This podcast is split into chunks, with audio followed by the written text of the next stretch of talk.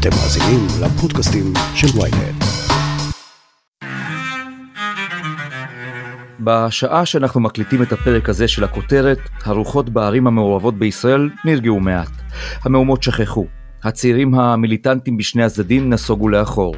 הנזק שנגרם נערם ברחובות, ואנשי התברואה מנסים להרכיב בחזרה את הפאזל המפורק של החברה הישראלית. אבל דווקא עכשיו, דווקא כשאפשר לנשום שוב לרגע, השאלות נערמות.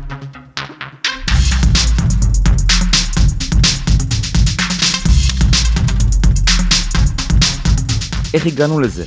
מה פספסנו? איזה כוחות פועלים בחברה הערבית? ולמה האש נדלקה דווקא השנה, כשנדמה היה כי אולי יש פה סיכוי לפריצת דרך ביחסים שבין שני עמים. בכיר השב"כ לשעבר עוזי ברזילי, שהשתחרר רק לפני כשנה מן השירות, כבר מצטרף אלינו. הכותרת, הפודקאסט היומי של ynet עם עטילה שומפלבי. אז עוזי ברזילי, קודם רק תגיד לנו, כמה שנים עסקת בחברה הערבית בשב"כ? בכלל עסקתי בחברה הערבית כמעט כ-30 שנה. במגזר הערבי, בקרב ערביי ישראל, עסקתי אה, מ-2015, 2014, 2017, עד שפרשתי מהשירות. ולך מובן מה קרה כאן? כלומר, כשאתה מסתכל על התמונה מלמעלה, ואתה רואה את מה שעברנו בשבועיים האחרונים, אתה אומר לעצמך, הרי זה היה כתוב על הקיר, או שגם אתה הופתעת? אני לא יכול לומר שהופתעתי בצורה אסטרטגית. אני הופתעתי שזה קרה כרגע כפי שזה קרה אה, בבת אחת, אבל צריך אה, להסתכל על התמונה בכללותה. ראשית, צריך להסתכל על זה מה היה הטריגר לכל האירוע. אה, המחולל של כל המהומות בקרב ערבי ישראל החל מתוצאה של שילוב של מספר גורמים. ראשית, חודש הרמדאן הוא תמיד חודש נפיץ ורגיש כל שנה, והתראות לכך ניתנים אה, לכל גורמי השטח באופן קבוע.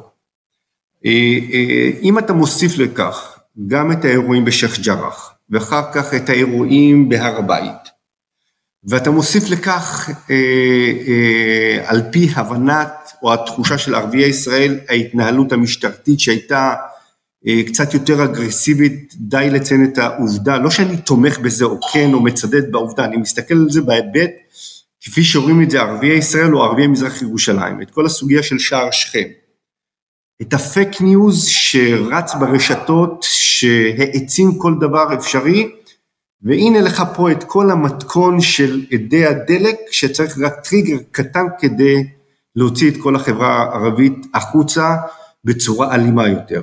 אבל כשאתה בוחן, עטילה את זרמי העומק. זה, יש זרמי עומק שלאורך הרבה מאוד שנים, ואם אני לוקח את התחושה הערבית, יש תחושה, בוא נאמר ככה, בעשור האחרון, שתחושה של הדרה. אני עכשיו לא מצדד בכך, או שאני אומר שהם צודקים או לא צודקים, אני נותן את התחושה, מה הרגישו ערביי ישראל, לא שאני מצדד או שאני תומך בכך, כן? אבל כשאני מנתח את זה, אז בחברה הערבית אתה אה, מבין שהם חשים בתחושה של הדרה, ואני יכול לתת לך גם מספר דוגמאות שהם יכולים להסביר מדוע הם חשים כך. תגדיר רגע קודם, אם אתה יכול, עוזי ברזילי, מהי הדרה? כלומר, איך היא נקלטת בחברה הערבית? היא נקלטת שהם הופכים להיות אזרחים מסוג ב', אוקיי? ואיך זה בא לידי ביטוי? קודם כל, תחושה של אכיפה מוגברת בחברה הערבית. די לציין בתקופה האחרונה, כשבחנו את אה, מספר הדוחות שניתנו בתקופת הקורונה, בקרב ערביי ישראל, זו הייתה עובדה שכמות הדוחות שניתנו בקרב החברה הערבית היה הכי, הכי הרבה בי אה, פאר. אבל אם תיקח את זה גם את, ה, אה, את הסוגיה של האכיפה, של הריסת הבתים, שם האכיפה נראית להם יותר מוגברת, למרות שזה לא נכון בעובדה. אם אתה או אני נבנה פרגולה שהיא לא מאושרת, יבואו להרוס לנו אותה במיידי, אבל ברגע ש, שאין תכנון בחברה הערבית והאכיפה היא מוגברת, אז התחושה שכביכול רודפים אחרים. תוסיף לכך את הסוגיה של החקיקה, שהם מרגישים שהחקיקה בעשור האחרון היא כנגד החברה הערבית, ודי לציין שני חוקים בלבד, חוק הלאום או חוק אה, אה, קמינץ, שהם הם מבינים שזה כביכול חוקים כנגד החברה, כנגד החברה הערבית. והתחושה הזאת מלווה אה, אה, את החברה הערבית לאורך זמן.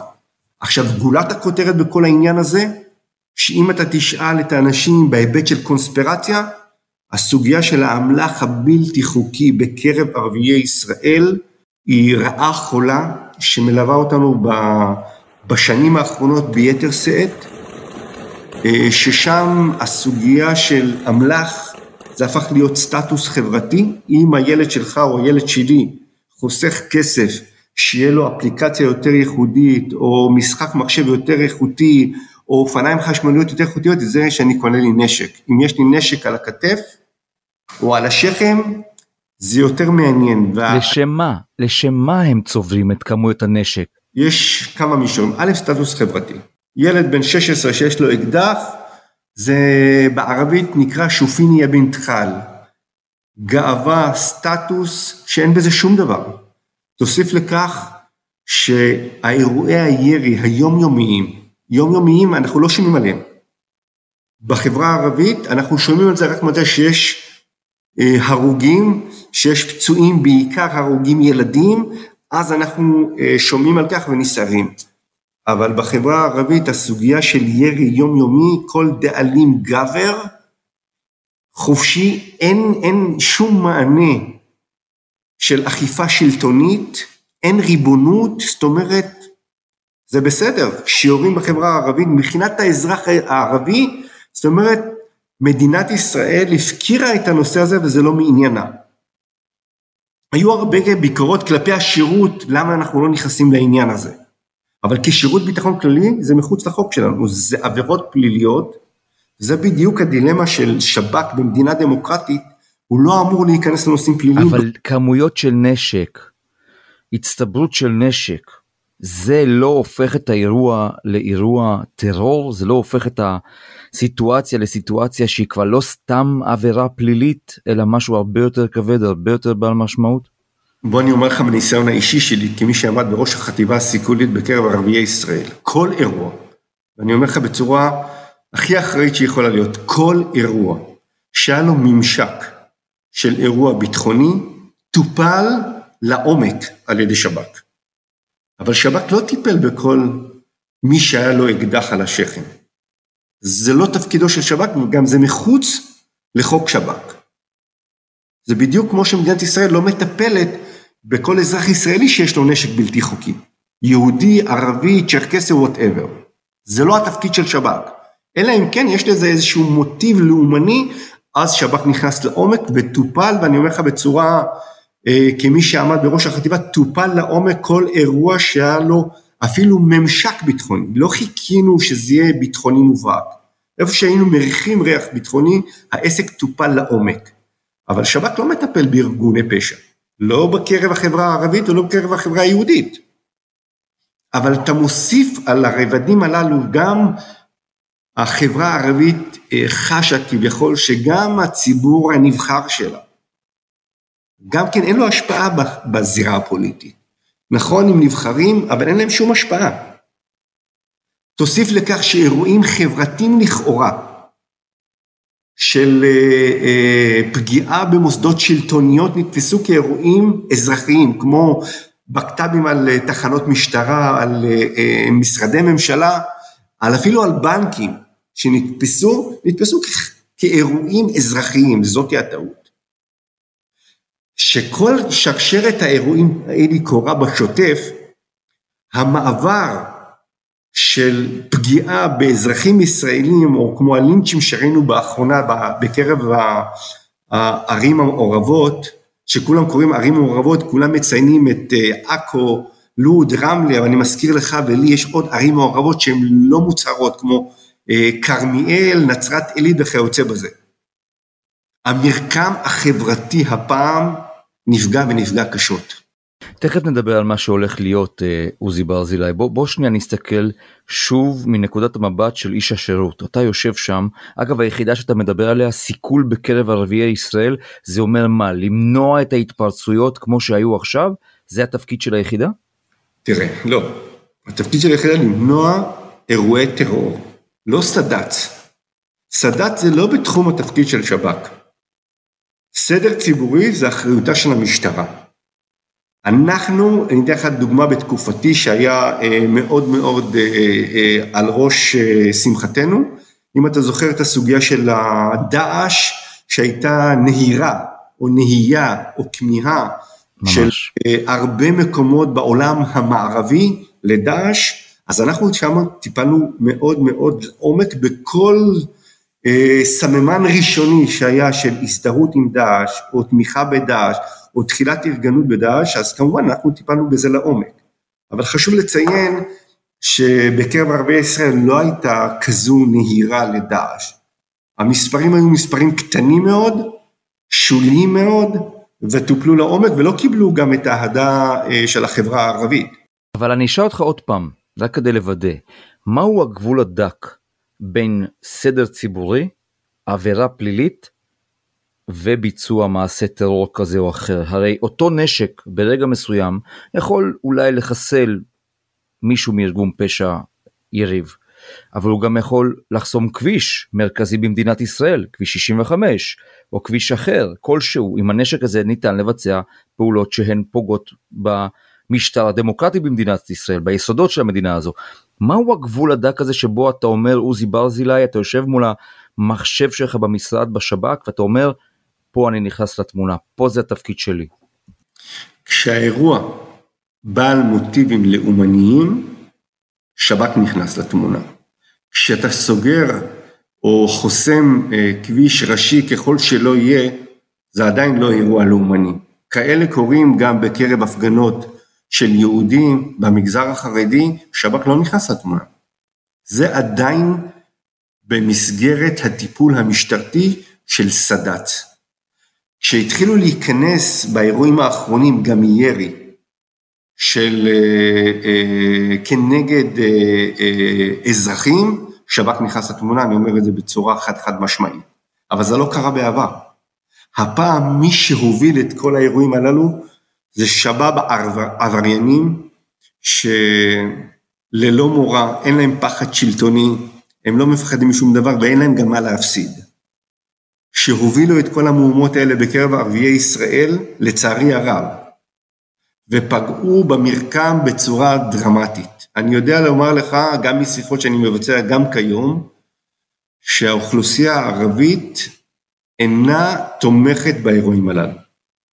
זה עדיין נתפס ואני קורא לזה פוגרומים, אני לא קורא לזה הספרות סדר.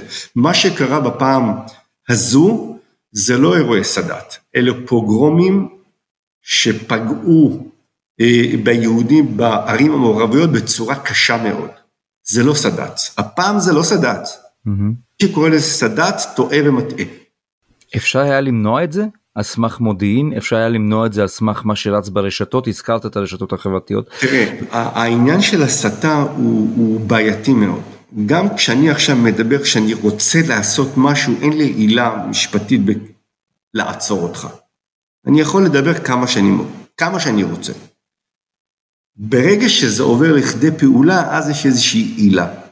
ואתה צריך בדין הראייתי לחבר בין שני הדברים האלה כדי שיהיה לי עילה לטיפול אה, אה, בקרב ערביי ישראל. כשאימאם עומד במסגד וקורא את מה שהוא קורא, אין לי את הכלים המשפטיים להגיע אליו ולעצור אותו. אני צריך להוכיח הקשר בין מה שהוא אמר למה שנעשה. וזו המורכבות. זה לא דומה אה, כשיש לי אה, אירוע לאומני שזה חד חד ערכי, אני יודע שאני צריך לטפל בזה. הסוגיה של הסתה, גם ברשתות החברתיות וגם בקרב האימאמים, היא יותר מורכבת, היא הרבה יותר קשה אה, אה, להוכחה, כי על סמך דברים שנאמרים אתה לא יכול להעמיד אדם למשפט. אבל אתה כן יכול לקבל אינדיקציה לגבי האווירה ברחוב הערבי למשל. הרי אנחנו יודעים שהרשתות החברתיות הפכו למקור מידע, מודיעין, מאוד מאוד פורה עבור שירות הביטחון הכללי בשנים האחרונות ואתם גם התנפלתם על המכרה הזה. זאת אומרת זה לא השארתם אותו מחוץ לתחום הראייה שלכם. קיבלתם, ראיתם, ראינו את זה גם אה, בפיגועים שנמנעו ונמנעים גם היום וגם באירועים שבדיעבד גיליתם שניתן היה למנוע איזשהו אירוע. זאת אומרת הרשתות, אתם כל הזמן שם. ברור, אנחנו כל הזמן שם, אנחנו כל הזמן מנטרים אה, את האמירות, את הניתוח אה, שאנחנו מנתחים בהיבט של ההתבטאויות ואנחנו בהחלט כל מה שניתן אנחנו מעבירים גם למשטרת ישראל שאמונה על הנושא הזה, ואיפה שזה מגיע למוטיבים לאומניים, גם שב"כ נכנס לעובי הקורה, בוודאי שכן. אף פעם הזירה הזאת לא נשארה באוויר. איפה שזה בגבול הסד"צ, הפלילי, זה מועבר למשטרת ישראל עם כל המודיעין שאנחנו יכולים להעביר לו, ואיפה שזה נכנס לשדה הלאומני, שב"כ מטפל בזה לעומק. אני לא רוצה שתסכסך חלילה בין שב"כ לבין משטרת ישראל, אבל אם אתה צריך להסתכל על יכולות האיסוף שלכם אל מול יכולות האיסוף של המשטרה. במאה ה-21, 20 ו-21, ואני יודע שהיו מהפכות גם במשטרה ברמה הזו ובדרג הזה. אבל עדיין שב"כ מוביל, עדיין יש לכם הרבה יותר יכולות טכנולוגיות אפילו, ואנושיות גם, לאסוף מידע אה, רגיש מאוד, נכון? או שאני טועה? אין צל של ספק שהעליונות של שירות הביטחון הקליני ביכולת האיסופית שלו בכל הכלים, אם זה יומינטית, אם זה סיגינטית, אם זה קיברנטית, אם זה אוסינט, יכולות של שירות הביטחון הכללי הן הרבה יותר גבוהות, ומכאן גם הצורך שלנו בכל אופן בהיבט של ריסון הכוח. שב"כ שפועל במדינה דמוקרטית, על פי חוק שב"כ אנחנו יודעים בוודאות לסמן את הגבול איפה שב"כ נכנס לעומק ולעובי הקורה, שזה נופל בתחום של השדה הביטחוני, ואיפה שב"כ למעשה רק מספק את המידע. אין, אין מה להשוות בין היכולות הטכנולוגיות או ביכולות האיסופיות או ביכולות אה, של שב"כ למשטרת ישראל, ואין פה גם תחרות בין שני הארגונים הללו. אה, אבל מכאן גם אנחנו יודעים איפה הגבול שלנו. once זה לא מוגדר בחוק, שזה תפקידו של שב"כ, אנחנו לא נכנסים לשם. אנחנו אמורים בקטע הזה להיות כמי שמספק או מסייע, אבל לא מטפל. כמובן שיש מודיעין שאני יודע על אדם שיש לו נשק, אז אני מעביר את זה למשטרת ישראל, אבל אני לא מטפל בזה. והיו לא מעט פעמים שמידע הועבר למשטרת ישראל, שטיפלה בהיבט של, בהתאם ליכולות שלה. אזרחי ישראל, מה שקורה בערי ישראל בימים האחרונים הוא בלתי נסבל. אנחנו ראינו פורעים ערבים, מציתים בתי כנסת, מציתים מכוניות, מסתערים על שוטרים, פוגעים באזרחים שלווים וחפים מפשע. זה דבר שאנחנו לא יכולים לקבל אותו, זה אנרכיה. שום דבר לא מצדיק את זה, ואני אגיד לכם יותר מזה. אתם, אתם לא התרעתם בפני הדרג המדיני ודרגים אחרים אולי גם בפני המחוקק, בפני הוועדה, ועדת הפנים של הכנסת או מי שזה לא יהיה, ועדת החוץ והביטחון, על הסוגיה הזו של הנשק אתם, אני מניח שאתה במשך שנים כשעמדת בראש היחידה הזאת העלית את זה בדיונים מסוימים, אמרת חברים יש פה חבית חומר נפץ ואם אתה מכבד את החבית הזו עם החבית של אל-אקצא פלוס החבית של התסיסה הפנימית וכדומה זה יכול להתפוצץ עלינו. הסוגיה של הצבירה אה, אה, של הנשק הפלילי בקרב החברה הערבית תמיד היה על השולחן. ולא עשו כלום? שום דבר? לא שלא עשו, אה, אה, ניסו לא מעט ניסיונות, גם מודיעין, אני אומר לך בשוטף, אה, ששב"כ במסגרת האיסוף שלו קיבל מודיעין על מי שנושא נשק זה הועבר.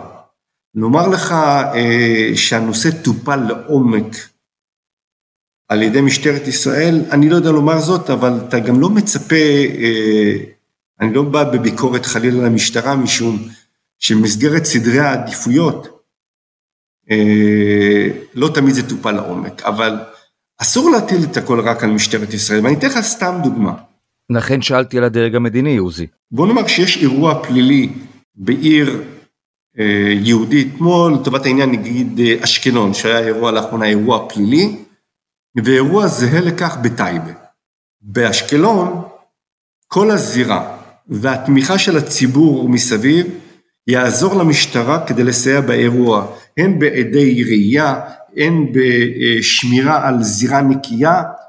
לעומת זאת אירוע דומה שקורה בטייבה, המשטרה מתמודדת בשני מישורים. האחד קודם כל להגיע לזירה שהופכת להיות מורכבת יותר, שהיא מגיעה לזירה, היא קודם כל נפגעת על ידי האוכלוסייה. השנית, לא משתפים פעולה עם המשטרה כדי להגיע בהיבט למה שקרה, ושלישית גם מזהמים את הזירה.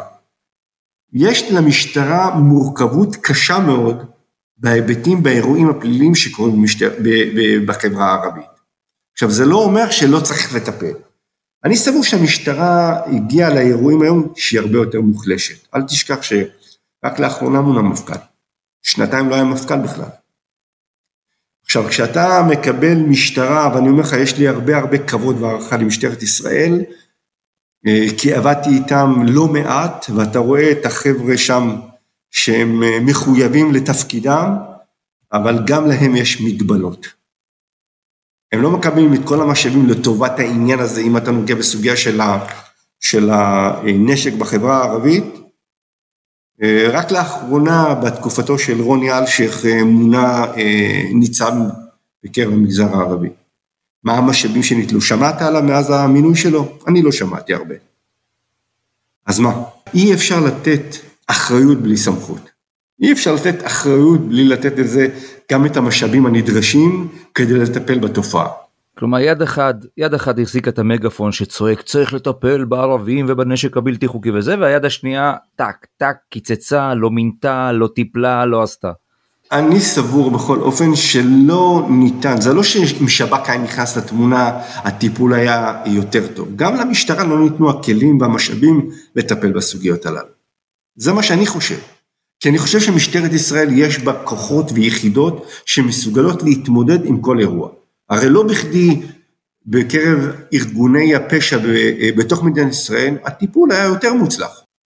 עוזי ברזילי, אם יש אירוע כזה ויש מודיעין על אירוע כזה, יש עם מי לדבר? יש עדיין מנהיגות ערבית שיודעת להשתלט על השטח או שזה אבוד?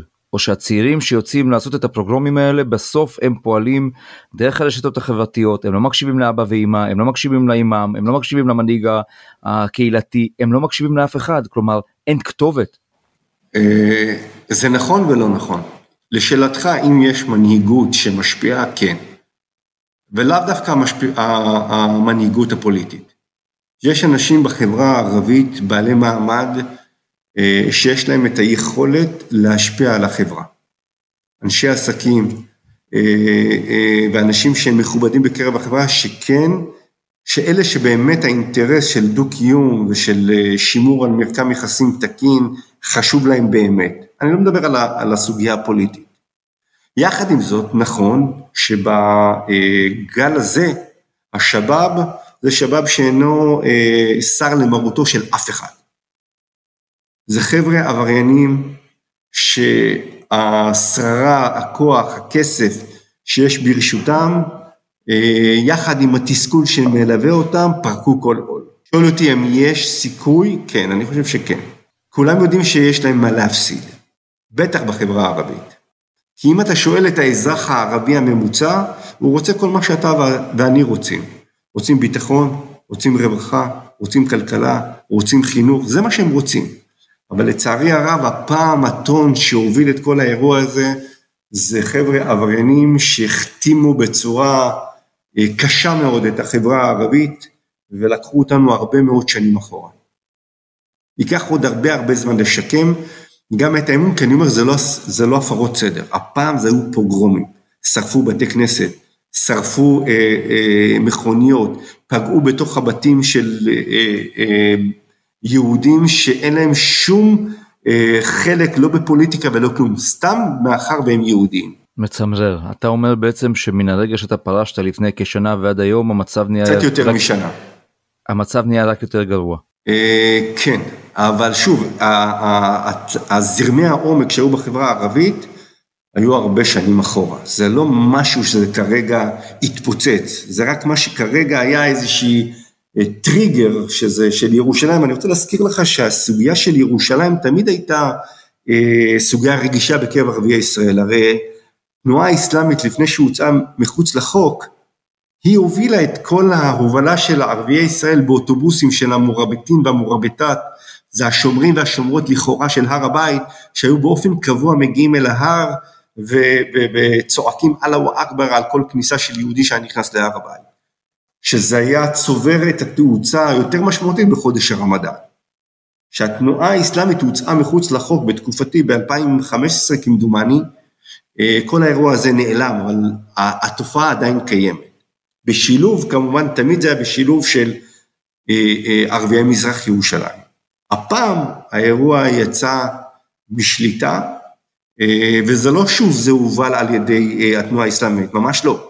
וגם לא על ידי החמאס שמנסה עכשיו לרכב על הגל הזה, הרי החמאס עכשיו מנסה לנכס לו את כל האירועים, גם בירושלים וגם בקרב ערביי ישראל, כי לכאורה כאילו הוא זה ששומר על העם הפלסטיני. הוא רוכב על הגל כמו שהוא יודע לעשות את זה כל הזמן. שאלה אחרונה עוזי ברזילי, האם הדמוקרטיה הישראלית, האם המדינה היהודית דמוקרטית נמצאת בסכנה לנוכח הזעזועים המטורפים האלה? אני, זה, זה אמירה מאוד קשה. אני לא חושב שהמדינה היהודית דמוקרטית בסכנה, אבל אני חושב שאנחנו צריכים כמדינה יהודית דמוקרטית לטפל בנושאים האלה ולעומק.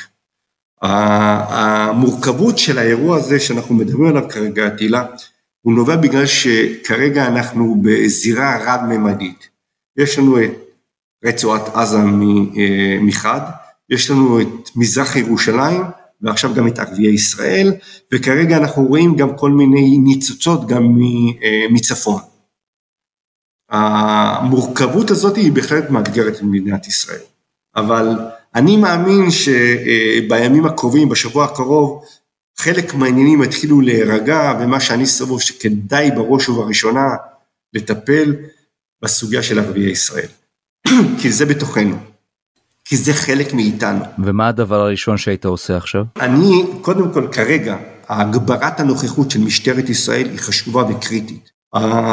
השיח שמתנהל עם ההנהגה הערבית הוא חשוב וקריטי. קודם כל צריך להוריד את, את גובה הלהבות בכל המקומות הללו. אחר כך צריך לטפל לעומק ולבוא בחשבון עם כל מי שהיה פורע חוק ופגע ביהודים, וגם היו כאלה אה, שפגעו בערבים, גם בהם צריך לטפל.